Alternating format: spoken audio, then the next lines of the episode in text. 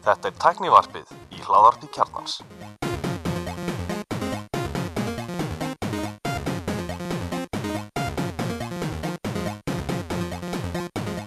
Gómið sæl og verið velkomin í tæknivarpið. Það er enn einn tímamóta þátturinn. Þetta er 250. þátturinn okkar, hvorki meirinu minna. Við erum 25% upp í 1000 þætti, þannig að þetta er alltaf gerast. Eh, Ég heiti Axel Pól. Með mér í dag eru Ég er Alli Stefán. Ég heiti Bjarni Ben. Og ég er Mósi. eins og þið heyrið þá eru kannski hans hægir aldrei venlega. Það er af því að við erum að taka þetta upp heima hjá okkur. Allir í sikkur lægi yfir Google Meets í fyrst skiptið. Hvað segir strafið? Hvernig líst ykkur á þetta? Uh, ég hefði nú vilja vera með einhver í, í hérna á saman stað en, en hérna við ætlum að vera við ætlum að hlýða við þig og, og hérna spara hittingana næstu vikur. Já, ég sakna að- tech support uh, aðstöðunar af því það er frábært að koma þar og sitja saman og tala um tilfinningar og tækni. Eða tækni Já, og tilfinningar. Ef Gulli hefði ekki ráða, þá, þá værum við klálega þar í þessum, í þessum eina og hálfa fermeter. Gulli náttúrulega uh, bara Já. hérna, myndur að benda okkur það að, að, að, að þetta er nú bara eiginlega flensa og Trump sigrast á þessu og þá getur, getur við gert það. Já, já, Nákvæmlega. það er rétt. Loftgæðin í þessu fundarherbyggi er alveg nógu góð. Það er climate problem í support vinnur. Nákvæmlega. Herri, það er sikvað frétta uh, þessa vikuna. Eigum við að byrja rétt að díu tánum í íslenskar tættifréttir. Það er ein Endilega. frétt sem er búin að vera svolítið á sveimi núna undanfarið og svo sem ekkert nýtt á nálinni en það eru svindl á netinu. Og Atli, þú ert nú eitthvað búin að setja í þetta, ekki? Það er búið að svindla þér. Nei, ekki enn, sko, en ég, sko, heyrði allan að, þess að það var náttúrulega fór í þannig um daginn með eh, postin. Það var rosalega eh, flott og elaborate hack, þar sem eh, þú fækst e-mail eða tölupost og mér held að sé að vera að reyna að fá þetta inn kreditkort til þess að borga eh, einhverjum sendingum sem þú varst að fara að fá. Það var rosalega flott veist, síðan var mjög svipuð og þeir kefti eitthvað lén og það var mjög lengi í gangi sá ég, léni sjálf, veist, það var ekki tekið niður, fekast, veist, það var alveg viku í lofti. Og veist, það var að reyna að fá það til þess að fara hann inn á síðu sem leit alveg út eins og pósturinn, nema þarna var verið að, taka líkilorði þau reyndir að loka inn á póstin og kreditkortunumri og þetta er nú aldrei að aukast eh, hérna, svo eru nú komið ágætið slúður á göttuna um það að það sé verið að hakka fræga íslenska einstaklega. Ok. Það var einhver nöfn verið nefnt. Það var nafn nefnt, en ég bara, þú er ekki endaka, ég þarf alveg að fá leið fyrir því, en þetta er þetta, rosalega eh, frægur maður þess þannig sem hann hakkar. Ok. Og illa hakkar. Hvað er bara að tala um að komast inn á, á tölupóst og, og iCloud eða eitthvað þannig eða? Það klátt og svona, já, einmitt. Ok. Ég er mitt var að rifja upp hérna uh, ákveðin mál. Uh, ég var að hlusta á Darknet Diaries sem ég hætti ekki að geta, hætt, sem ég get ekki hætt að mæla með. Frábært hlaðvarp, það sem ég fari yfir þekkt uh, svona öryggisafbrot, svona net öryggisafbrot. Og það munar, munar mjög margir eftir, hvað heita, Flapgate, eða hvað var það? Já. Já, The The Fappening. Fappening, já. Uh, sem var sagt, eitt frægasta hakk heldur bara samtímans, veist, það hefur aldrei verið fallaði minns mikið hakk, en það er sérst ekki neitt svona tölvuhakk, það er svo kallar social hakk uh, og frægust var hún hérna, þetta var sérst það var að komast inn í iCloud aðganga hjá frægu fólki, Hollywood-leikurum og fleira, um, bara með því að giska á leikilunum þeirra. Og það var þetta gert með smá svona haki, það var að einhver síða sem Apple var með í loftinu sem var ekki með brútforsvörð, þar að segja að það var hægt að reyna endalaust að við mögulega líkilort þannig til þú komst í gegn. Og hún greiði hérna Jennifer Lawrence, svo frábæra leikuna uh, hún var í fjarsambandi eða veist, eins og flesti leikarar eru vist í Hollywood sem standa sig vel sá kærastin sinni mjög lítið og hún átti þarna ákveðins myndasafn það sem þetta kalla fappening sem er mjög ósmægt og ég held reyndar að það hefur verið svona stöðað að í fjölmjölum mjög snemma. En það hérna case er mjög áhugavert uh, að því leiti að þetta var ekki eitthvað svona single eitthvað innbrot í Google inn í hérna á þjóna á Apple heldur var þetta social hack og þokkabót þá var það þannig að það var einhver einn aðli eða hópur af mönnum eða fólki sem var að sapna að sér svona gögn, þess að nekta myndum af frægum. Og voru komið með ákveðin sapn sem var verið að reyna að selja einhverju uppbóði og þegar það einhver kaupir að þetta loksins fer að stað þá er einnig spring bara flókot og þetta er sérst margileikar og mikið af frægum fólki á sama tíma. Vegna þess að það er komið svona uppbós uh, hvað maður segja uppbós menning fyrir því að selja svona gögn á hérna tube netinu og þetta er að verða algengra með því sérst, ef fólk notar liðlega reglur og er ekki með tvekja þátt að aukinningu þá getur þetta gerst. Já, hún var kannski ekki alveg orðin svona eins mikið notu þessi tvekja þátt aukinning á þessum tíma eins og hún er í dag. Það var líka Nei. eftir Núna þetta- finnst mér það bara að vera standard, skiljur Já, Mhm. Apple neytti eiginlega alltaf í tvekja þáttu auðkynningu á iCloud eftir þetta. Það var eiginlega ekkert bóðum annað Já. sem er náttúrulega bara mjög sniðut. Já, en lauruglan og hörbúkarsæðin er sérst að setja hana fram hvað, Facebook-post og tilkynningu uh, hérna, um að þetta sé talsverður peningur sem Íslandikar er að tapa á þessu og það er erfitt að fá þessu pening tilbaka strax þegar þeir eru farnir út úr landinu eða bara veist, frá fólki og þeir segi hérna þetta sé cirka hálfur milljarður sem er búið að tapast út af netgreipum á síðustu tveimur árum og lauruglan segir að þetta sé að aukast á tímum COVID sem er Já, áhugaður. vekkja mitt sérstaklega aðtekla á því að í COVID sé þetta aukast og muni aukast þannig að fólk á að vera á varbergi. Hafið þið fengið eitthvað svona undanverið? Senda okkur. Nei, en fyndin hérna skása, ég fekk e-mail í gær um að áskriftin mín að Calm appinu væri nú að fara að virkjast. Hún væri 45 dólarar. Og ég bara eitthvað, what the, veist, ég er ekki áskrifin þessu appi, þetta er eitthvað svona hugleistu app, alltaf grótt að blasta með hugleistu, en, en, en ég ætla ekki að borga símanum mínum fyrir að hjálpa mér að huglega.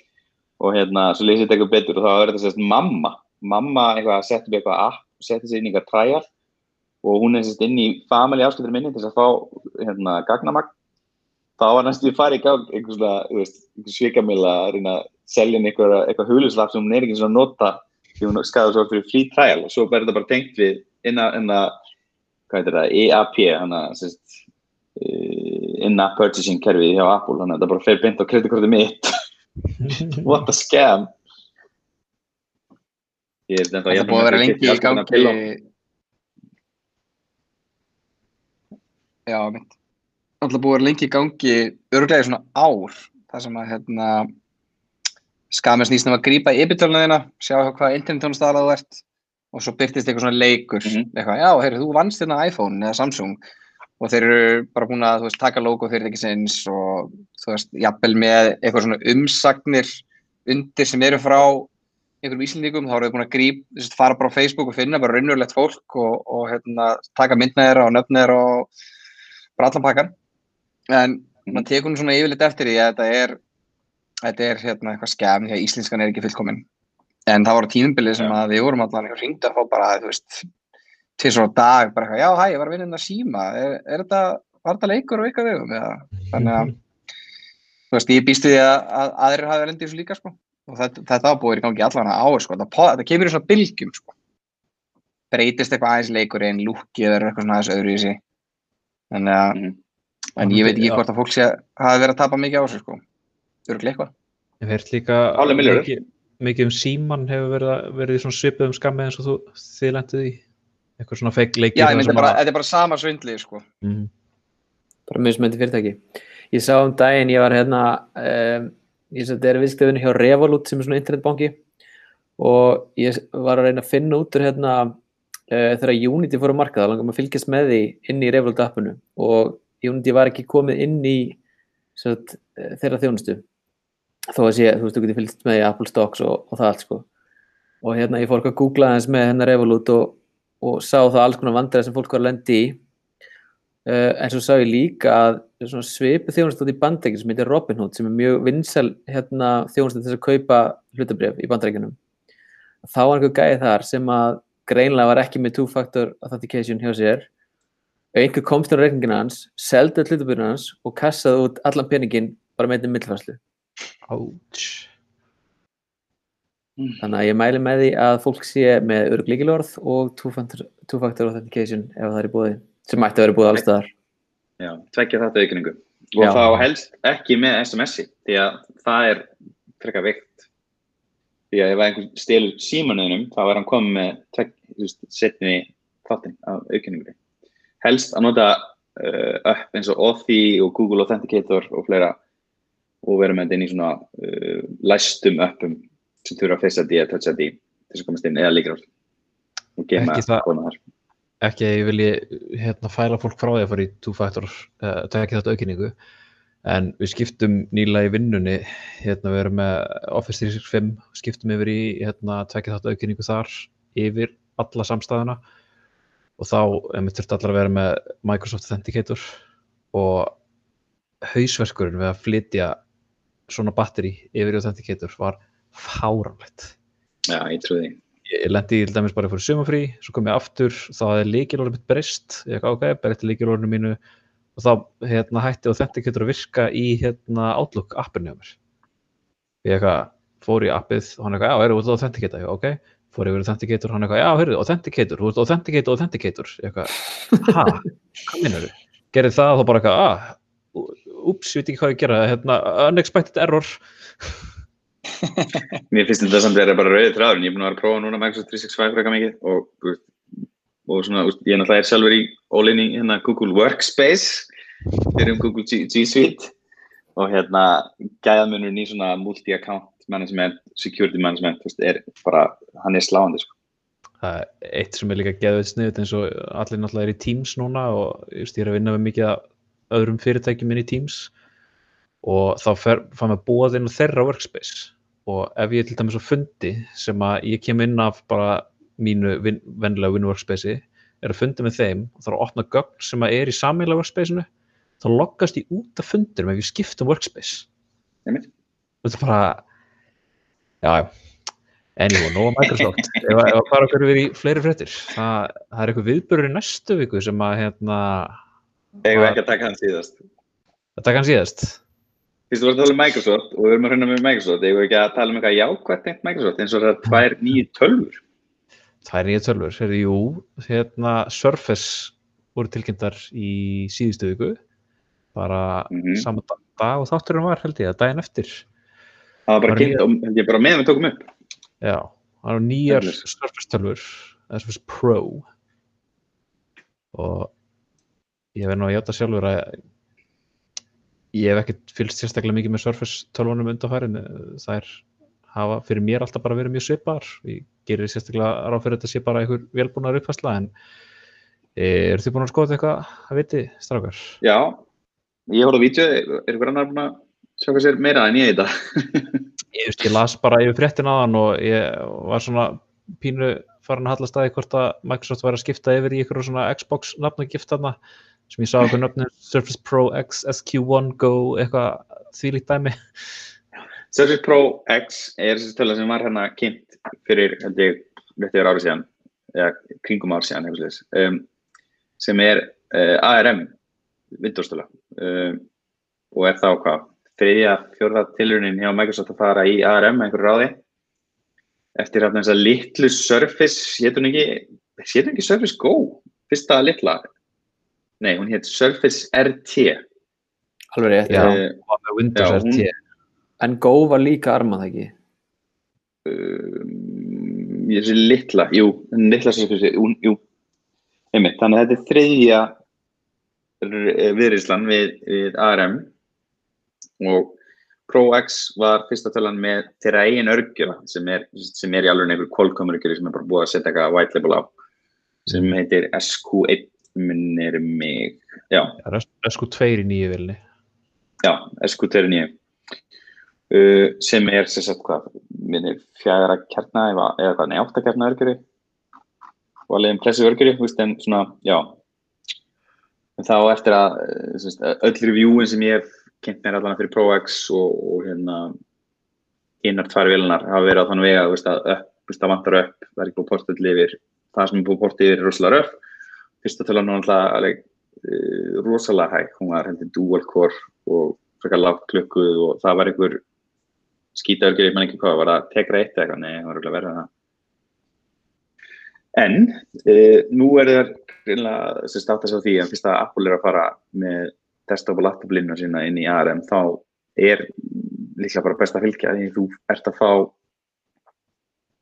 ef þú ferði það að porta og búið til emulatora þá ert að fá næstu doppel upp af raflöðendingu og þú heldur þér í sama krafti eða sama afli og þú getur tint allar vélunar eða gert að minni og, og þá kannski bara komið einhver meir fyrir, fyrir eins og batteríum og, og loftröstingunni kælingunni Státt á hann á 15 klukktíma batteríslífi sem er nú þokkalega gott. það er mjög gott og hún En er þeir voru- 7,3 mm á hérna, þygt Svo voru það að tala um að sem sagt, uh, út af allir gaggrinni sem voru að fá um hérna að upp voru ekki að- og að virka að þá mm. er Microsoft búið tilkynna að þeir eru að vinna í sem sagt, x64 emulation fyrir ARM-vélnar. Einmitt Þannig að það myndi vonla- vonandi bjarga þessu.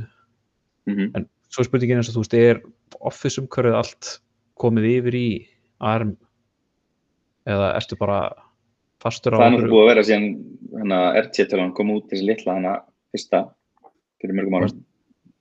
Og það er vonandi búið að vera að halda því við og bæta við fleiri fítsum það er mjög mikið talað um Office og pennan hana sem er að taka með þessari tölu það stílu sinn. Uh, þannig að það hlýtur að vera uh, að hérna við þessu, svo náttúrulega gerir okkur því þú getur sett á þetta Chrome eða, eða Edge og bara opna Office Online sem er kannski ekki það besta í heimi en, en þú veist, virkar í hallari Svo er önnur tölva uh, Laptop Go sem er uh, lítil, mjög ódýr tölva sem er greinlega með að hérna, náms, námsmönnum, kannski veist, yngri námsmönnum, ekki háskóla level. Og þetta, þessi tölva minnum ég bara rosalega mikið á hana gömlu MacBook Adorable tölvuna.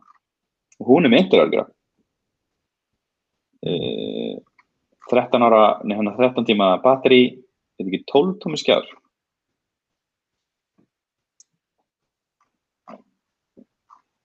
Ekki viss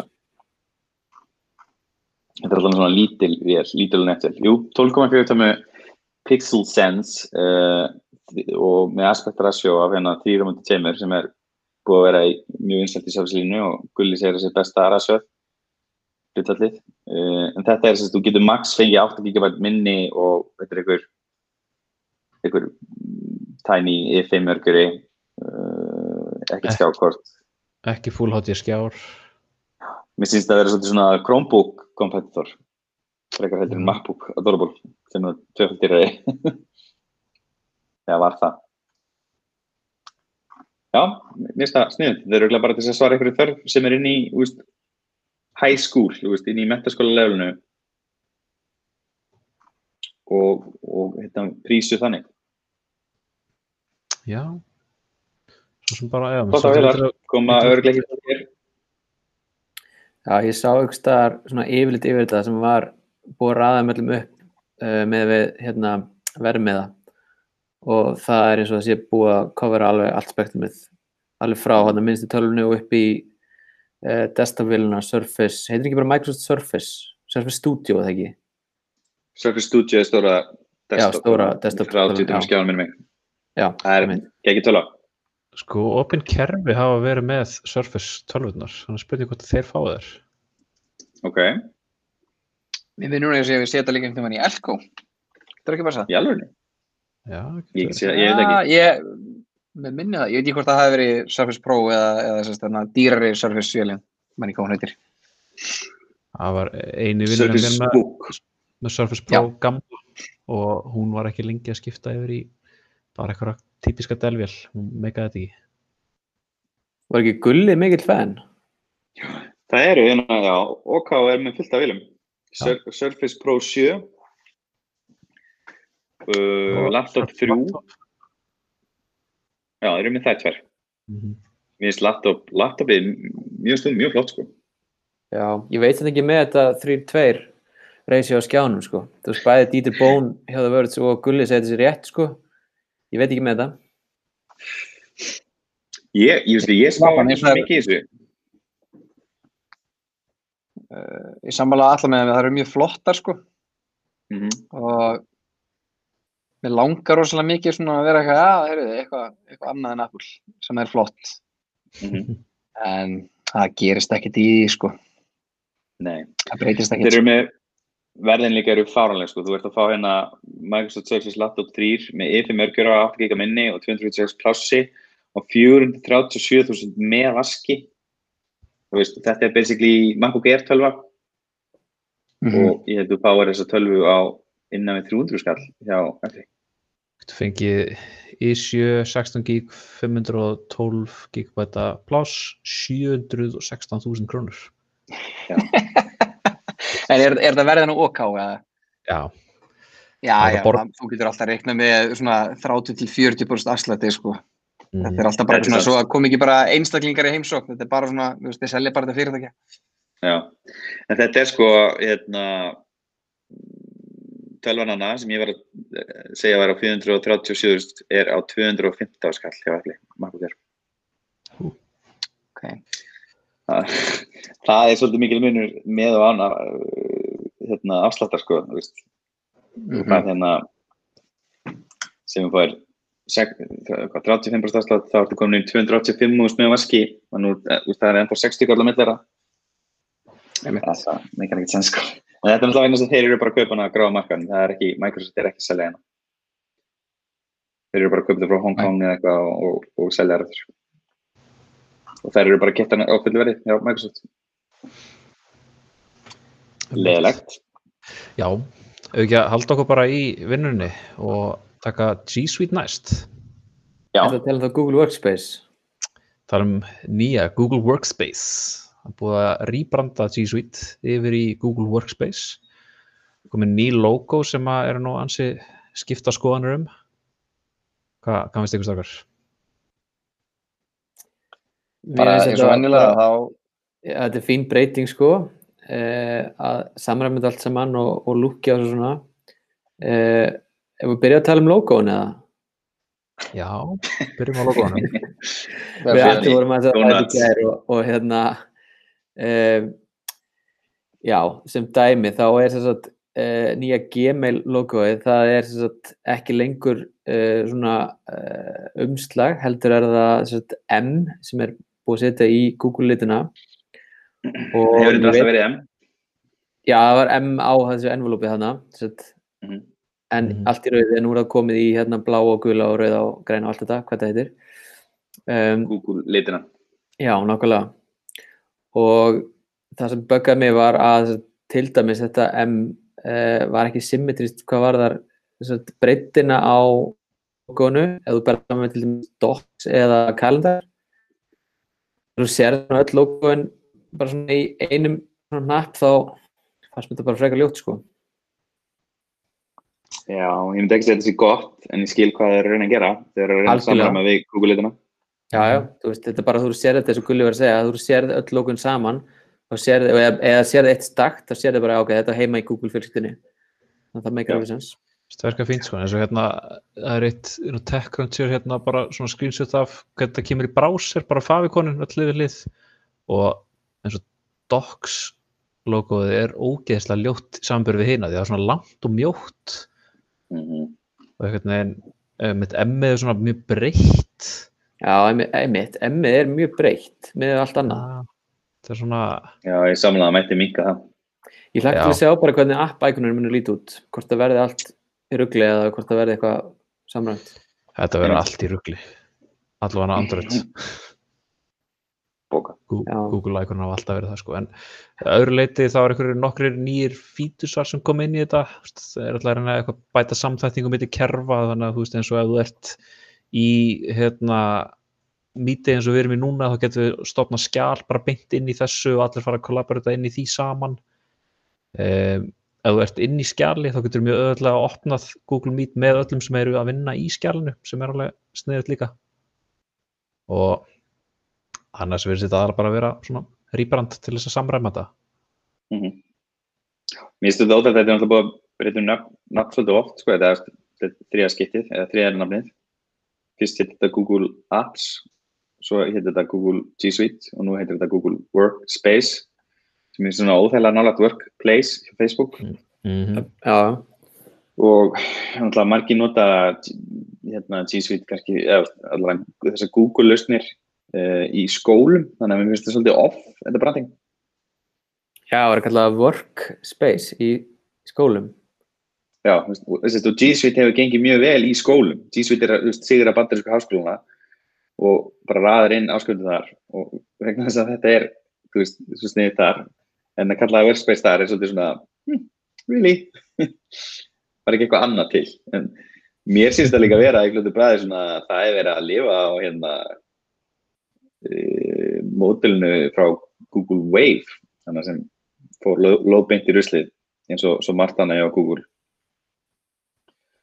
Þetta er svolítið svona minnum að það sérstaklega e-mail fítur sem er, þú getur alltaf bara verið að byrja að vinna eitthvað skjál og inn í einhverjum e-mail fræði það er mjög Google Wave-legt en Office er vist að reyna sama með einhverju fluid framework sem ég ekki svona pælt í, ég er ekki búin að prófa það er það komið út? Uh, það var tilkynnt núna í þessar útgáðöldin, ég, ég hef ekki prófað það sko. Það var heldur cool, allavega hérna demón sem við sýnda því. þá ertu bara inn í e-maili og svo allt í náttúrulega bara búin að búið til eitthvað skjall Mm -hmm.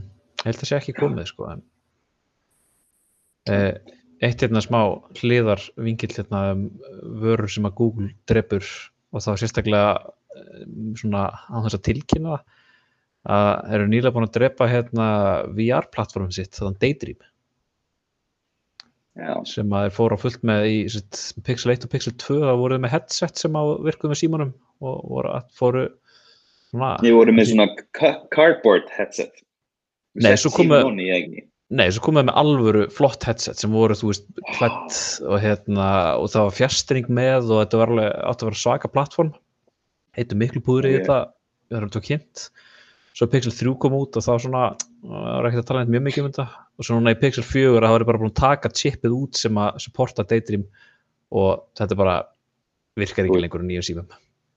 En það er komið svolítið svona stakkar á VR-markaðin þetta er Oculus, að það- þú veist, John Carmack fór og það kom svona pínu högt, veist, á alla markaðin og svo er þetta kemur eh, þessi Alex leikur út og fær geggja þetta dóma. Þannig að mér finnst það svona, einmitt þegar þetta var að læja þá svona, kom svona smá kikk í lokin. Ég held að mörg fyrirtæki hafa bara offer fjárfæst í VR og það hefur einfallega ekki verið að skila sér. Ég held þessum bara rétt að byrja. Þetta er náttúrulega bara langklaup og við erum bara rétt að byrja, sko. En það er erfitt Sko- að halda út í langklöpi og vera sökku í sko, einhverja, einhverjum miljónum. það var að koma tölfræði bara í fyrra dag sem að sýnir að 1,93% Steam-notenda nota VR Vá, sem er viljulegt. pínu, pínu, pínu vilítið. Við þekkjum tvo Já, sko, það sem við þekkjum við erum með svona meganördar Já. og mér finnst VR um að vera svolítið meganörda stemning, sko. Mm Það er En prófað VR í, í, hérna, í smáralind, þannig að í, að ég veit ekki hvað það heitir. Það er hérna á vegum Bíósins. Heitir þetta ekki bara raf íþrættasvæðið? Já, það getur verið sér búið að skýra það, sko. Nei, ég próf, þar prófaði VR í fyrsta sinn, sko, og hérna, ég, mér fannst það mjög skemmtilegt, sko. Uh, Ímara mínum fannst það svo gott að hann hljóp á stöng. Uh, Þannig að, það var alveg, alveg gaman að fylgjast með fólki í þessu. Það bara, þú veist, þetta var bara mjög einfaldur skotleikur, sko, þú veist, á okkur svona palli og eitthvað að hoppa á milli palla og, og skjóta fólk og, þú veist, fá einhver power-ups og eitthvað svona. En, en, þú veist, maður sá alveg, þú veist, fólk er að horfa niður og var bara eitthvað í loftrætt og ég er svona, all, allan mín fyrsta upplifun af ég var svona, ok, ég er mjög spenntur fyrir því að, þú veist, mjög varst þetta skemmtilegt, ég er bara svona, ég er virkilega spenntur fyrir því að þetta verði bara betra, sko. Og þú ert náttúrulega búin að smíða þér eða ert að smíða þér svona nerd cave. með bíósal þannig að þú getur sett þar VR-sal í þokkbót Já, en þetta er svolítið látt loss, þannig að ég get ekki farið að hoppa það er eitthvað, eitthvað þannig, sko. ah. Er ekki með Þetta er og segir, þetta er kostunum- hellig, sko. er ekki einn af kostunum við VR að þú þarft ekki að vera með bíósal, þú getur bara að vera með kústaskáp og setið þar og þóst fyrir bíói. Jú, Það ætla ég að gera í hérna 65 metrar íbúðinu minni, sko. En sorry, Bjarni, þú varst að fara að segja eitthvað. Þú voru að gleyma því. Eh, Já, ég held að þú lest sér farin. Hún Já. er farin. Tjú, Er tjú. þá næsta stopp? Má ég samt segja eitt í viðbót hérna með hérna, Google Chat. Já, Hvað er Google búið að búa til mörg chat for it? Og hvað er langt sinni Google Chat hétt Google Chat á þannig hétt eitthvað annað? veitu hvað, er- Sko- hvað er Google Chat? Ég- Hangout. það... Wow, Sko, Google Chat er svona Slack hérna fítus. Það er svona þú byrð til eh, teimisherbyggi og sérst fyrir eitthvað verkefni eða fyrir eitthvað teimi uh, deilt og þar getur þið spjalla og taka og fretta og eitthvað svona. Þetta er bara skrif spjall. en byrju, byrju, byrju. Sko, nú var Google Hangout það að fólk nota eitthvað mest sem svona chat for it sem eins og Facebook Messenger eða WhatsApp eða hvað sem fólk er að nota. Hangouts var svo drepið en átti það ekki verða síðan eitthvað svona Slack og Google Chat er þá actually chat. Hangout sé núna, það brotið upp í tvent. Það er þetta sem við erum að nota núna til þess að halda hana fund, Google Meet, sem er fjarfundikari. Og svo var chat feedsun sem var alltaf líka Hangouts, hann var tekið til hliða og það er bara sem sagt, að skrifast á. Mm já, það er. Ég veit ekki, það voru- nokkuð, mér finnst voru- skarra heldur en að henda öll undir eitthvað brand sem hétt Hangouts og sem var bæði consumer og corporate og var að reyna að gera allt í einu og það var bara eiginlega- eiginlega mistök. Mér finnst þetta betri en okkur. Já, alveg sammála. En Það var app á sagt, fyrstu Nexus símanum sem hét, hét það ekki bara Google Chat eða hét það. G-Chat. G-Chat var í Gmail, bara bráðsöndum fyrst og það var svo á Android, svo var það Hangouts, svo var Hangouts splittað út í Duo og Allo, Allo var drepið, Duo er til ennþá, svo kom Enterprise útgáðan, þá vorum við Meet og hérna Chat. Hvað var Allo? Samt, ég er búin að gleyma því. Allo var hérna uh, bara text chat sem að var með Google Assistant innbyggt í.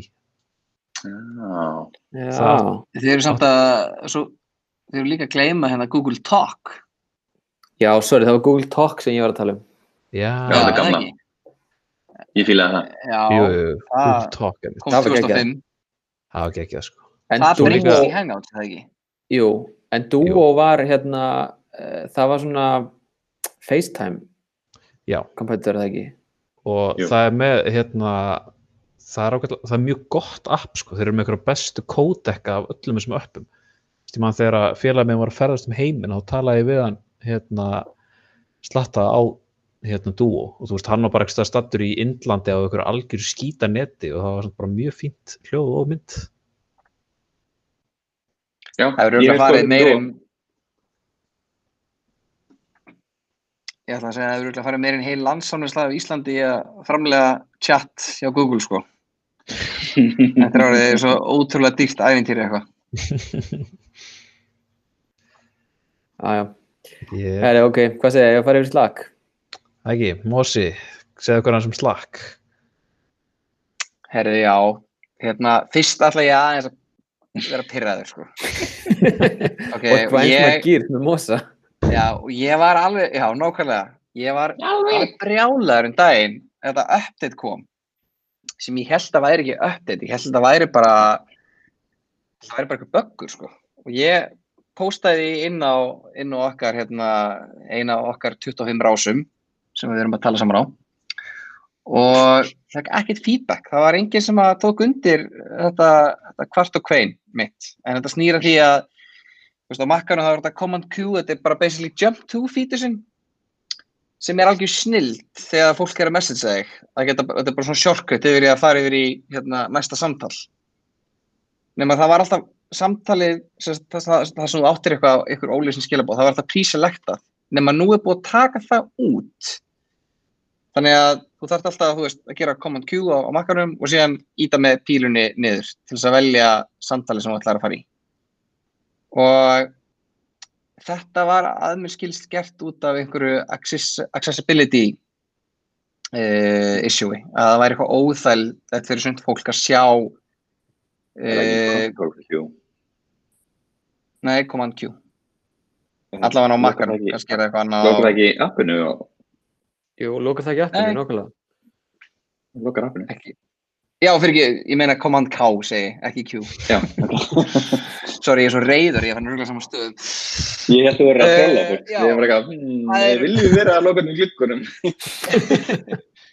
Ég er sérst búin að vera að checka á updates bara röglega, já, ég hluta nú að fara að laga þetta. En svo var ég að tala við einn strák hérna í hugunumdeildinni vinnunni og hann bara ekki, nei, nei, þetta er bara fítus. Uh, og það er allt búið að vera vittlust út af þessu, nema á svona okkar hérna. Uh, á Twitter, allir eru búin að brjálæður yfir þessu updatei, sko. Um, ég er þið ekki að finna fyrir þessu, eða er þið ekki, er brjálæðir? Er Ég kannski bara að nota aldrei notað þetta áður. sko. Aldrei nota þetta. Aldrei það. Eru Ég- er þið ekki að nota Slack svona day to day bara í samskiptum? Nei. Nei, bara að Það fara er- í þannig að- já. Þú, jú, ég einu power notandin á þessu á okkur sko. Já, ja, eina sem við gerum með að þú veist tuða yfir einhverju eða hérna ræða stjórnmál og COVID og eitthvað sko. Þið eru náttúrulega, auðvitað náttúrulega bara í, veist, helviti því þið þurfum að nota eitthvað annað í vinnunni ykkar, þannig að það kannski skiptir ekki máli. En, Byrju, er þetta að tala illa um Ok, hið þetta- stórgóða Microsoft Teams eða? en þetta er allavega eitthvað sem að vona muni lagast og, og hérna, ef einhver annar að brjálast yfir þessi núti, þá, þá veit hann það núna að þetta er, þetta er fítus, þetta er ekki bögg. Sjö. En, en já, við vorum að lesa hérna núna að það er að koma, það er að koma nýjir skemmtilegir fítusar uh, í Slack og ég er enda að mislas fréttana fyrst. Ég held að þetta væri voice messages sem væru á leiðinni uh, sem ég ég er náttúrulega ég vil meina að ég sé uppasmaður voice message á, á Messenger og ég mun svo sannlega vera það þegar það kemur í Slack. En þetta er, þetta er ekki voice message sem er að koma heldur er þetta push to talk. Svona eins og kannski fólk ætti að vera kunnugt eða nota mikið Discord. Mhm. og ég finnst það enda algjör snild út af því að að vill ekkert enda að vera detta inn í eitthvað símtal með einhverjum. Veist, það er líka fínt að geta bara ítt og eitt takka og, og sagt eitthvað. Um, þannig ég er mjög spenntur fyrir þeim fítus og mun örgulega nota hann óþarlega mikið með samstagsfélagum mínum uh, og svo er hérna annað og það er stories ég er þetta bara eitt, eitthvað eitt ég- á ég- undanmósi, var ekki bara betra að myndi fá þér Apple Watch og nota walkie-talkie þar? Heldur þú að ég hef ekki notað það í vinnunni eða er það grínast? uh, aðalega til þess að til þess að ángra strákin sem situr á móti mér uh, að ég hafi gift eitthvað 80 svona úr og eina sem ég notaði var að tala við annan vinnufélag sem að satt 5 metra frá. þá var alltaf svona, já blessaði sagði Þór yfir. Og ekkert meir. Uh, og geta ekki vítið sem er mjög góður. En já, og svo er það hérna þegar að koma með svona eins og Instagram stories í slakki og ég held þendar að það sérstaklega núna það er allir að vinna heima uh, ég held að það veri geggjað fítus sem senda kannski út bæði einhverju svona tilkynningar sem eru nöðsynlegar en líka bara fyrir svona smá glens í vinnunni það er, ég sakna mjög mikið að vera eitthvað að fókast í fólki á vinnutíma Já, ég held að þetta sé snið sko, því að uh, ég finnst það er nota Snapchat í þetta og Mhm. Snapchat, Snapchat notar, eða að það Snap. það Snapchat, uh, limitið er þetta 25 manns inn á þeim grúpum, þannig að ef þú ert með vinnustað sem er með fleiri en 25 þá ert í vandræðum sko. Snapchat er líka mjög lélegt í þetta á vinnustöðum af því að það er ekkert admin control eða eitt á því, just, við lendum í, vorum eitthvað svona hóp og svo var einhverjum sagt upp og hann var bara ennþá í hópin og er eitthvað, ó, svona, bara hætti að nota hópin Já, ég man eftir þessi, ég þurfti að message einhvern fyrirhundi starfsmann, hann var ekkert rekin neitt, en ég var bara eitthvað, það eru blessaður, hérna, þú verður eiginlega að fara úr grúpunni, sko. Það er hérna, nýtt fólk sem verður að komast inn og bara, það gengur ekki, sko. En já, ég held að það, ég held að það muni bara, uh, já, bara vera flott sko. Ég, held, að ég er mjög spenntur allan, ég er sérstaklega spenntur að sjá hvernig stories featurinn kemur út og og til að Slack er svona í grunninn, maður er ekki, ég hef ekki oft videochattað á Slack sko og ég er ekkert eitthvað rosa mikið fyrir videochat en ég held að það verður gaman að fá þinn Þú ert meira fyrir Já. svona voice hérna messages. Einhlega skilaboð uh, þar sem fólk verður að hlusta það sem ég er að segja Ah, Þú veist, ef þú gætir þá myndir þú hafa samband við allar getið bóða. getum búa Hvað er það? Þjónustu sem var í gangi hjá símanum, þú veist, 2000 og eitthvað lítið eitt eða eitthvað, þá svona ringdur í númer, stimplaðir í númer og sendir sér svona skilabóð til fólks, svo fekk það símringingu sem var eitthvað, þú átt bóða. Þá kannski farið og stimplaði eitthvað kóða og þá heyrður þú númeri skilabóð sem við komum til það er en það er svo geggjað því að þá bara þú veist ekki til hlusta á það á þínum tíma og þarft ekki nöðsyn að taka síman og, og hlusta þá skilur bara gera það þú fyrir að klóstið eða eftir að keira það hindin eða eitthvað Það er ekki að hérna fórstjóri slakk heiti Stuart Butterfield. Kekja það hún. Frábært, smjörvöllurinn maður. Mm. Fíldum bara. Jæja, heyrðu, það er komið að næsta áfangastað í þessari lest tækninar. Um, aðeins meira um PlayStation 5, bara svona fyrst við náðum alla með okkur hérna. Ekki ef taka Æ. örlítið, örlítið update af því, því að nú, nú fer allt, þetta er alveg að bresta á, það er rúmur mánuður í þetta. En það er að við að þið þurfum að fara að splæsa í crowd hérna funding til að kaupa PlayStation 5 handa mér. Uh, já, þetta verður svona eins og hérna, eitthvað svona grindstæmi að þú veist, loksins þú færð tölvuna þá stækkar hjartað þitt og þú hérna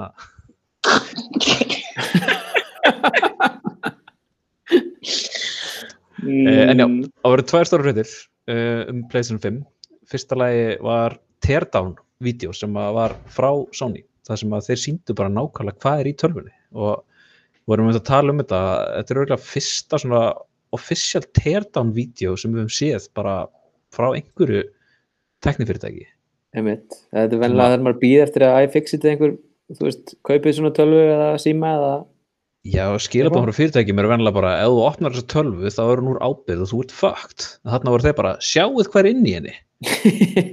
en er það ekki þannig það var sko uh, já, í vídeonu þá er þá fyrst tekur hann hliðarnar af sem að sýnir það að það er auðvelt að taka hliðarnar af og standurinn undir þú getur fært hann þannig að hún liggur flöt eða, eða lóðrétt uh, svo var það þarna uh, M2 slottin til að stækka geimsluplásið í henni Mm -hmm.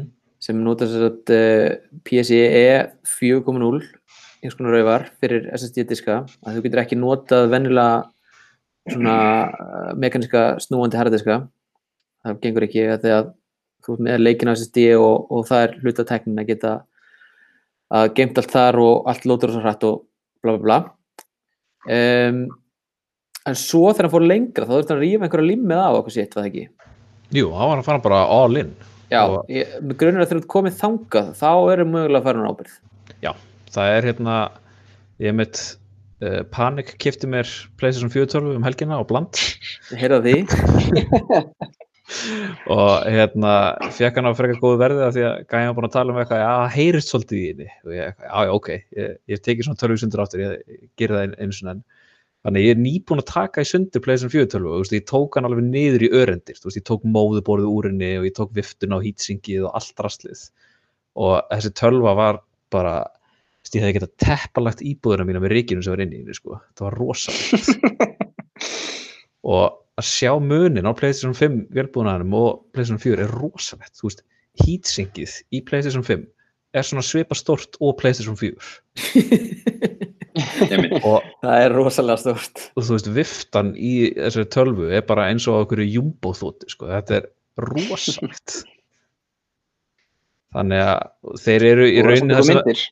Það sem þeir voru að gera með hérna, þessu vídeo var í rauninni bara að flexa hvað þessi tölva verður fáránlega köld og smúð af því það er allir skýtstressaðir með PlayStation 5 af því að náttúrulega fjögur var algjör þóta, þegar viftan fór á stað og hún sapnaði ríki og þú veist þeir voru sínat nefnst, já það eru tveir ríkfilterar á hliðunum sem er ekkert mál að þrýfa hún er með risa hýtsingi, risa viftu veist það er eitthvað liquid metal cooling fyrir eitthvað heldur en bara venlegt kælikrem eins og venlega í svona tölvum. Þannig að þeir voru bara að flexa bara, ok, þetta verður fristiklefi Já, ég held að bara veit ekki það eftir bara öll ummælin um PlayStation 4 og PlayStation 4 Pro kannski sérstaklega hvað þetta er að blása rosalega þannig að þetta er bara, það þurfa að gera þetta. Algjörlega sko. Svo hérna voru þeir með demovítu líka, voru hérna nokkur nokkra japanskar síður sem að fengu testtæki á PlayStation 5 sem svona svipu voru í gangi með Xbox að hérna, það er búin að livestream og alls konar af því. En þetta var aðeins minna, þeir voru ekki sína neitt af hérna user interface-unu og neinu þannig heldur voru þetta bara, þetta voru þrý leikir og þú kannst bara spila þessa þrjá leiki. Og þetta voru ekki einu svona leiki sem er að nýta velbúnaðan veist, þess að það voru fólk að vonast til þess að Ratchet Clank eða eitthvað svolítið sem sínt sem að notar SSD-in alveg bara í döðlur en eins og við varum að búast þá var þetta bara flott, hún spilaði vel og allir eru bara ennþá meira hæpt fyrir henni heldur en áður Þannig já, þetta var Ég, ég er rosa spenntur. Það ekki. Það verður hérna partí hjá Bjarna, hann er búinn að forpanta þannig að við Já, tökum ekki spilapartí búin þar. þú varst ekki búin að panta alveg rétt, ég er búin að glemma því Nei, ég mistaði því en ég var að hérna, misnota aðstöð mín í vinnu og hérna reyna að koma mér inn á já, En ég sést, já, orðurámöndin eru núna um það að það verði ekkit fleiri vélar sem koma fyrir bara ekkert eftir áramót og ég ætla ekki að vera heima í COVID og ég ætla ekki að vera heima um jólin án þess að vera með pleysumtölu. Þannig að þess að panik kipti í þessa vél. skil það bara mjög vel Já. Og ég er ennþá í gróða með bland braskið, sko, þannig að þetta er bara fínt. En þú fóst úr Pro yfir í Slim, að það ekki Nei, fóru Pro í Original. Já, já, ok En ég var samt reynda næstu í búin að braska meir í dag því ég hefði getað fengið slim á 20, ég hefði getað selt þessa eftir að hún var ríkrensu á 20 og ég var ekki að pæla hvort ég þetta er að skipta og svo var ég bara, nei, nei, þetta er komið gott. Já, já. Herrið, það er komið að loka stoppistöðun okkar. Það er Apple viðburður, á þriðjudaginn. viku. 15. oktober, það, það var, jólinn kom að snemma í ár. Það er enda komið sent, þetta er setna heldur venlega. 15. oktober, ekki 13. oktober 13. Nú, heyrðu, 13. oktober fyrir ekki, ég er... Eins og Rainy Ritchie hafa búin að gíska á og rekna út. Þetta, þetta væri líklegasta dagsningin eh, bóði. Og það fór út þarna bóðskort eh, sem stendur á hi, H-I, halló eða hi, komma speed með stóri S sem er orðalegur eh, eins og Elmar elskar. Þetta er hann og er alltaf að segja orðalegja brandara. Og það sérst er mikið hraði eða hár hraði og svo er hann Apple logoð inn í fjórum búblum og þetta er í svona kvikmyndalitum, svona apsnugult og blátt. Þetta er svona og Michael Bay plakat, Bjarni. Ég elska það Uh, og það er búið að lesa mikið í, í þetta þessi hérna. Axel er búin að setja inn einhverja mynd hérna með fylgta conspiracy theories.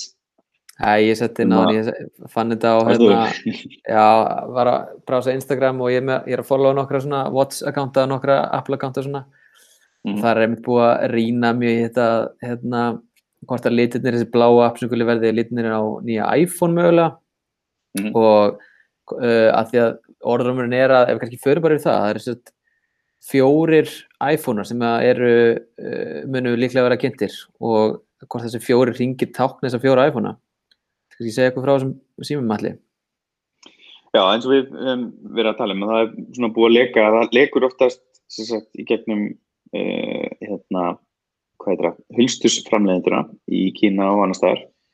Þeir fá svona metal dummies uh, til að búa til case á og þá er hægt að sjá stærðin á fleira og það er sagt, nokkuð vel búið að leka þessi, þessi málmstykki og við erum að tala um fjóra síma, tvo prósíma og tvo venjulega síma eh, nýjan síma sem er lítill sem að vera með 5,4 skjá en skjárin á minnsta iPhone í dag er á 11 Pro og það er 5,8 skjár.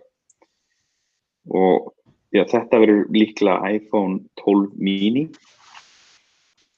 Svo eru tveir 6,1 skjáir, neina símar uh, sem eru annar þeirra er iPhone 12 og hinn er líklega iPhone 12 Pro. Og svo er 6,7 tómu uh, Pro Max sem er að stækka, var hann ekki hvað 6,5 tómur fer upp um 0,2 tómur Einhver stað sem er sjö. Nei, það gamli var 6,7. Pro Max Já, ga gamli var 6,5. Jó, jó, já, var hann ekki 6,5? Minni það, Já. ég er ekki alveg klárað og nýjum fyrir upp í 6,7 og það er mikið búið að pæla í hvort að þetta sé 120 Hz skjári eða ekki uh, markaðurinn sem búin að vera að fara þangað en, en hérna, Apple fór mér snemma inn í uh, hraðari skjái sem ná að endur hlaða sig fyrir en aðrir uh, með promotion skjánum á iPad Pro. Var það ekki iPad Pro þriðakynsloð eða var það önnurkynsloð 2018 þá byrjaði í promotion. Og það vist búið að drepa þann orðurum og það verður eh, ekki 120 skjár eh, sem er áhugavert því að svona Android markarinn vill mjög mikið að Apple fari hana þessi leið ég er búin að vera að prófa 120 Hz 120 Hz skjái á OnePlus 8 Pro og um, ég var nú ekki alveg að farast yfir þessu sko, ég ég var að nota iPhone-un samlega og ég var ekki að taka þetta er miklu betri sími því að hann er með hraðari skjá það var svona, já, þetta er svolítið cool. En það er alltaf skrolla e, svo er orðrumur um að það veri 5G og það komi ný, nýtt hönnunamál sem er í ættina við iPadin uh, dýrari símanir verða að vera með þrjár linsur og kannski laser lætarinn til þess að stiðja við AR uh, allir símanir verða með A14 örgjara sem er komin í iPad Air sem að koma, er að koma út núna. Og hann e, virðist, sérst, það var að vera að leka núna, eða sérst leka, það var einhver að taka Geekbench benchmark á hérna, iPad Pro, nei iPad Air segjum við að 14 örgjarnar og það virðist vera að Apple sé að tala niður, þess að þeir kynntu einhverja benchmarks fyrir iPad Air á kynningunni í hérna, um daginn í setver og það virðist vera að það hefði verið downplayað. Að 14 er miklu hraðari heldur en að sagt var þá. En samanbörjum þá var að við A12 sem var gamli örgjurinn í iPad Air þannig að þeir, þeir voru ekki að bera sér saman við A13 örgjurinn og svo er innbyggðið bröðrist hver setti þetta í sjóðan Axel setur þetta svo alltaf inn. já, ok, Það er einu sem vil Eh, nú tíma.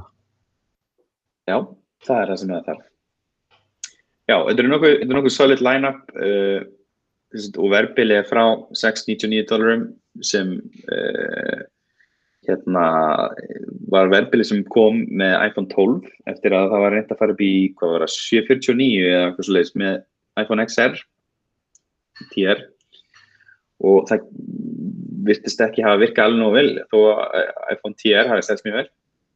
Þá lækkuðu þeir 12una til þess að ná henn á fleiri markaði.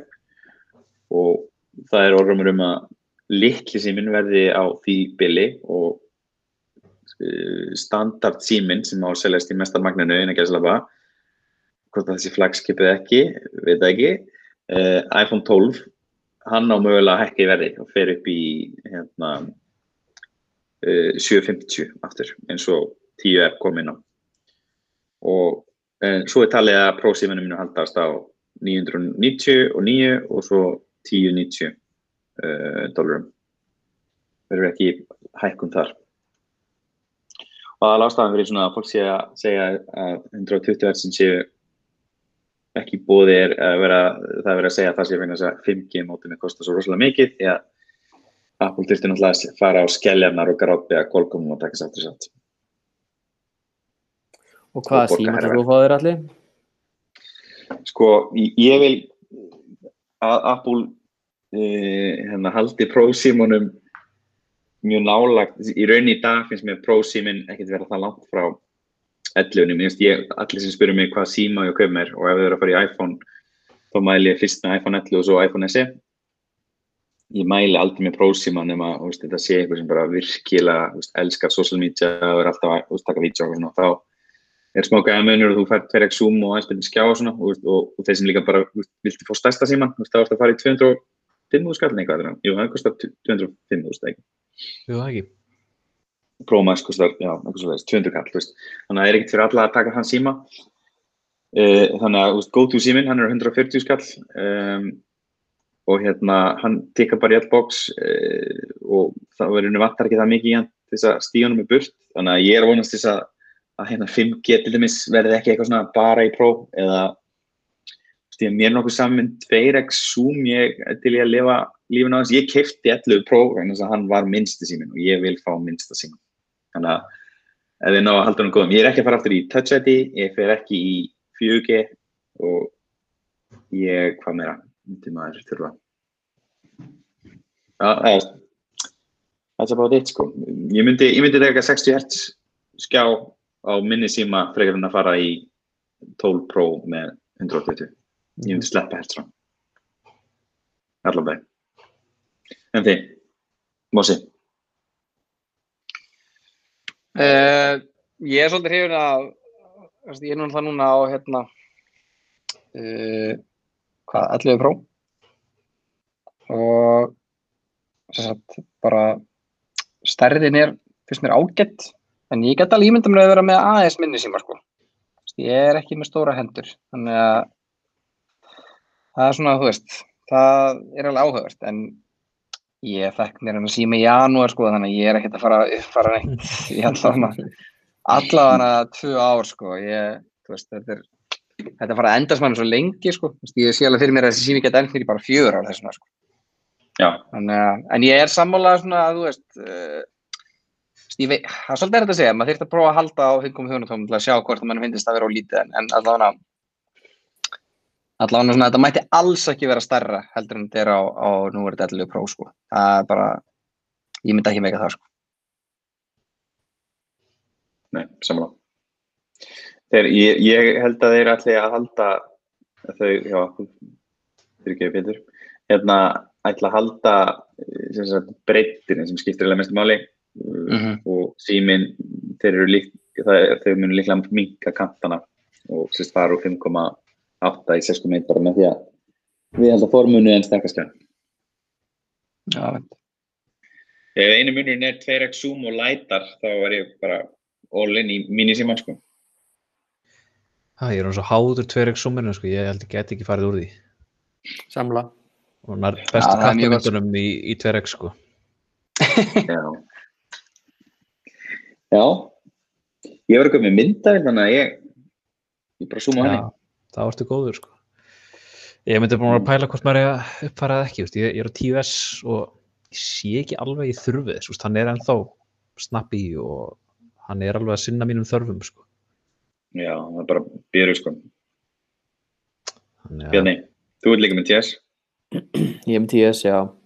Ég er svona, er að velta sér fyrir mér. Við bara segja til hvað er kynnt og hvað er verið á sér og svona. Já, Æ, ég er að spáði fara. Ég, ég kefti hann þar um 11 og hann skipti hann upp í 11 Pro Max. Nei, í 11 Pro seg. Það eru svona 40 myndir í kamerarólum hjá honum eftir ár. Hæ? Já. Tekur ekki myndir? Nei. Ok. Og ég kíkja á Instagram profil hans, þá er sagt, svona 90% af kontentinu er frá mér. Það er eitthvað sem ég tek. Ég er svona Instagram husband. Það verður mjög annað með nýjum myndalinn held ég. Algjörlega. Já, og svo eru orðrumar um fleiri tæki. Uh, AirPods Pro. Þetta ekki að tala um AirPods Studio. Jú, AirPods Pro er eitthvað sem að Mós er að nota núna, eða ekki? Mhm. Jú, jú. Sem er svona Það er orðrómur um- lítil buds. Mm. Þetta er að vera alvöru heyrnatól. Þetta er að vera svona cans sem fara yfir hausnar og það er svona eitthvað að byrja að leika um að þetta sé úr malmi, sagt hérna á dóluna sjálfar. Uh, og það sé snerti skinnjun á því. Svona trackpads for your ears sagði hérna Marquez Brownlee. Og e, þetta á að vera með e, hvað er það hérna, þetta vera hljóð ein, einangrandi, virk, með virkri hljóð einangrun, noise cancellation og eru svona að fara að keppa við þessi hvað hérna Sony MTR 1000 og uh, Bose Quiet Comfort. Heita þau NC700 heita ekki Það er CF. Ég held að heiti bara uh, sko það var alltaf Q- QC uh, 35 sem voru svona go to headphone-in. Uh, svo komið 700, ég veit ekki hvað þetta heiti QC 700, nei, Nei, þetta heiti bara Bose 700 það ekki Þau heitir Bose 700 og ég held að Já. noise cancelling sé NC. Þegar þetta fáið held í Mm. líka vírus. Já, ok, E, það er talað um að vera þetta að skipta um hauspúðana og um, já, og eyrnar eða satt, já, púðana sem þú setur á eyrun Já, og þessi ytri já, skilna. já, ytirskilina mm, veit ekki með það Já, var þetta, skilna, eða þessi innri púðana, ekki Já, þetta þetta er svipað eins og ef fólk þekkir hérna Sennheiser hérna HD25 sem er svona, uh, svona standard uh, headphone í hljóðvinnslu, kvikmyndagerð margir plötsinu að nota líka. Og þá er þetta að skipta sér um það púða það fylgja með einhver svona, einhver svona pleður eða leður púðar einhverjir. Þú getur líka sett á rúskinspúða og alls konar svona. Og það er tala um að á þessum Apple Studio headphoneum þá verði svipað þar að segja e, það er einhvers svona part sem getur skipt um en það verði, það verði seglar sem að festi það það getur verið áhugavert Já, cool. Og það er hérna sem sagt búið að taka all uh, third party hernantólur úr sölu í Apple-búðunum var, var einhver að leika eða sjá að taka eftir. Þannig að einmitt, það er greinlega að vera undirbúsi fyrir innrið á markaðin. mm Þetta er vist mikill skellur fyrir Bose sérstaklega því að selja vist mjög mikið af heyrntólum í Apple búðum. Já, það er. Já, Apple getur verið glemt. Þau hreyfa sig upp eða niður að er til vinstri í verðskjæðinu. Jep. Apple is not your friend. Uh, já, svo erum við með eitthvað minni HomePod, svona einhvern, einhvern pack. Ég veit ekki, ég, það verðist ekki vera neitt sko stert að leka núna um hann, en HomePod, hann, hann hefur verið í pípunni í tvö ár, orrums pípunni, en það er ekki verkir núna. Er þetta ekki bara alltaf þegar það er viðburður þá er alltaf minni homebot, kemur það núna? Eins og. AirTags er líka búið að vera síðustu þremur eða fjórum Apple-viðburum alltaf, kemur það núna? Mm Svo er líka AirPower alltaf, ég var mjög mikið til í AirPower til þess að hlaða mín þrjútæki mm -hmm. og svo er náttúrulega eternally einhver orður um hans gulla. Skulla Já. er það, hvað Apple TV er það? Sko, það var, ég var eitthvað að fara yfir orðum í gær uh, sem ég varst mjög áhugaverður og, og hérna, sem sagt, uh, sá aðali, ég held að það verið René Ritchie sem var að fara yfir þetta og hann var að taka saman marg orðum á sem sittaði eitt og uh, sem sagt, það er og, líklega er þeir að fara að skipta Apple TV bóksanum sinum upp í tvent.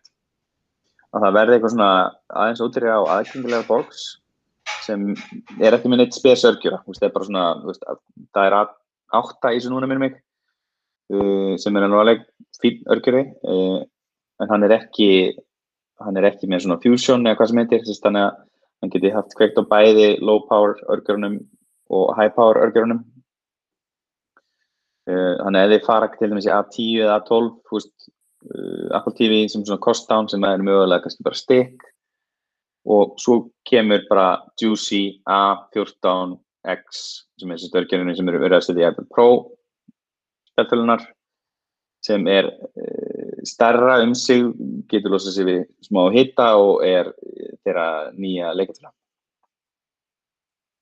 Ég langar aðeins að koma inn á það ég, eins og hefur komið fram hérna áður seldi Playstation tölunum mína. Og ég hugsaði með mér bara, herri, ég er með Apple Arcade. Ég ætla að prófa hérna, að nota Apple TV bara sem leikatölu þannig að ég tengdi Playstation fjárstyrninguna við það og það var ekkert mál. E, svo var ég eitthvað, ok, hvað er leikirröðina sem er hægt að spila á Apple TV sem er eitthvað aukið virði að vera með fjárstyrningu og þeir eru ekkert sérstaklega margir. Og að myndi þetta er Oceanhorn 2 sem er svona Mhm. búið að vera mjög í forgrunni í Apple Arcade. Allir tala um, já, þetta er eins og Legend of Zelda og þetta er svakaleikur og eitthvað.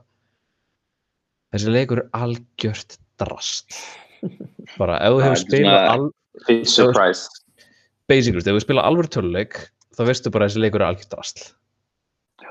Hann er sko, mér finnst hann flottur, ég prófaði hann alveg, ég spila hann í í einhver, einhver tó tíma og, og, og hann er rosa basic, þetta er svona krakkalegur, þú veist, þetta er og þú veist, kombat í hann er líka bara hræðilegt og Mhm. veist, þetta er bara já, þeir eiga ansi langt í landi eða þeir ætla að fara í hérna í það sko, svo, svo líka það eru fullt af leikin sem eru til á iPhone og iPad en eru ekki til á Apple TV Já, ekki búið að aðlæðast í. sem að er frekar leðilegt og líka sumi leikir sem eru með sitt hvort appið, þú veist að kaupa veist, það sér app fyrir hérna Apple TV frekar heldur en hinna og eitthvað sem mér fannst svolítið skrítið En er ekki ennþá skilur þið að þú gefur út leik á Arcade að hann verður að virka með Apple TV fjastringunni? ekki allar, það eru sumir sem að fá að vera hérna, held í kontróli því að ég held að þú getur ekki spila Oceanhorn með Apple TV fjastringunni Nei, ok. Ég held að sé hafa, fyrir að sko. molna í söndur út af Arcade. já, þannig það ég held ég hafi brotið þau sko Já. það eru mitt sumir leikirina sem að eru mitt virkalega ágætlega á Apple TV fjastringunni eins og Card of Darkness og svoleiðis sem þarf bara eitthvað að svæpa upp og niður og íta, það er allt í lægi en aðrir eru alveg skellulegir Já. Til þess að fylgja þessum orðum þá er sagt uh, verið að tala um að það sé að koma Apple fjastring, uh, sem leikja fjastring og uh, hérna það sé verið að tala um að hella peningum í töluleikja þróun og eða þá Apple Arcade til að koma fólki inn í þróunæðalum í þangað inn.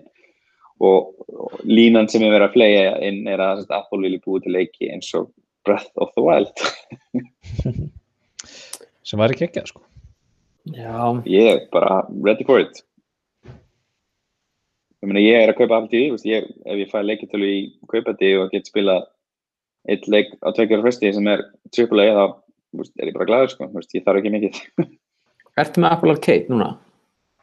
nei, ég var með marga mánuð sem bara sleppti ég, ég ætla bara að kveika einhvern mann aftur hef tíma, ég er bara ekki tíma núna Já. ég ætla að ég sé sko með Bjarnar Ben Nákvæmlega. ég er mitt með það en ég er, svona, ég er alltaf á leiðin að hætta með það já mér finnst ekki dýrt og mér finnst alltaf lægi ég sé bara inn og út svo lengi sem Apple One er ekki komið til Íslands þú veist þá vegna er bara fínt að geta tekið tvo manni og hoppa sér út, ég er búin að prófa leikina. Sem ég spila það var eitthvað leikur sem ég langaði að spila. Ég ákveður að einn af tvo leikin sem ég kom með sikti en, en mér, mér finnst vant að hæra kvöldi í leikjum og ég var, mér, mér finnst gaman að sjá einhverju tengingu við línuna já, það er sammála ég var til í að spila bara leikið með leikla bara bús á stórum skjám inn í herbyggi, frekar heldur en eitthvað frá mér stofu að teppa saman við en ég er PC kall Master í Race.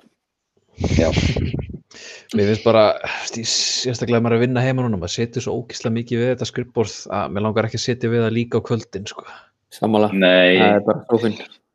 en fyrir mér er að setja í sofanum bara svipa sko, frekar þar maður einhver önnur áhagamál en að spila leiki held ég Eiginlega, sko. eða kaupi sér hérna uh, hattborð skrifborð til Sveinó Já. ég kortir ég að hendi í pöntinu á það Ég hef ekki við enda fundið þannig í, hérna, sem er tech.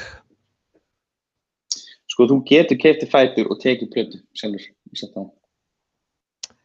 Já. Það þarf að lúka í stofu, sko, þetta er ekki alveg. Þú bara, þú bara tech klæðir þetta fætuna Geri það. Væri það ekki svolítið techy? Ó, er á þessum Búm. rándýra brandara er ég hugsa um að slá botnin í þetta. Sorry. Hérna ánum ljúkum þá hérna e, munum við auðvitað fjalla um e, ítalega um viðbrun næstu viku og fáum vondi til ykkur góða gesti sem verður tilkynnti sér. Yes. Herðu, ég þakka bara kærlega fyrir í dag. Takk fyrir mig. Takk, takk. Takk fyrir okkur.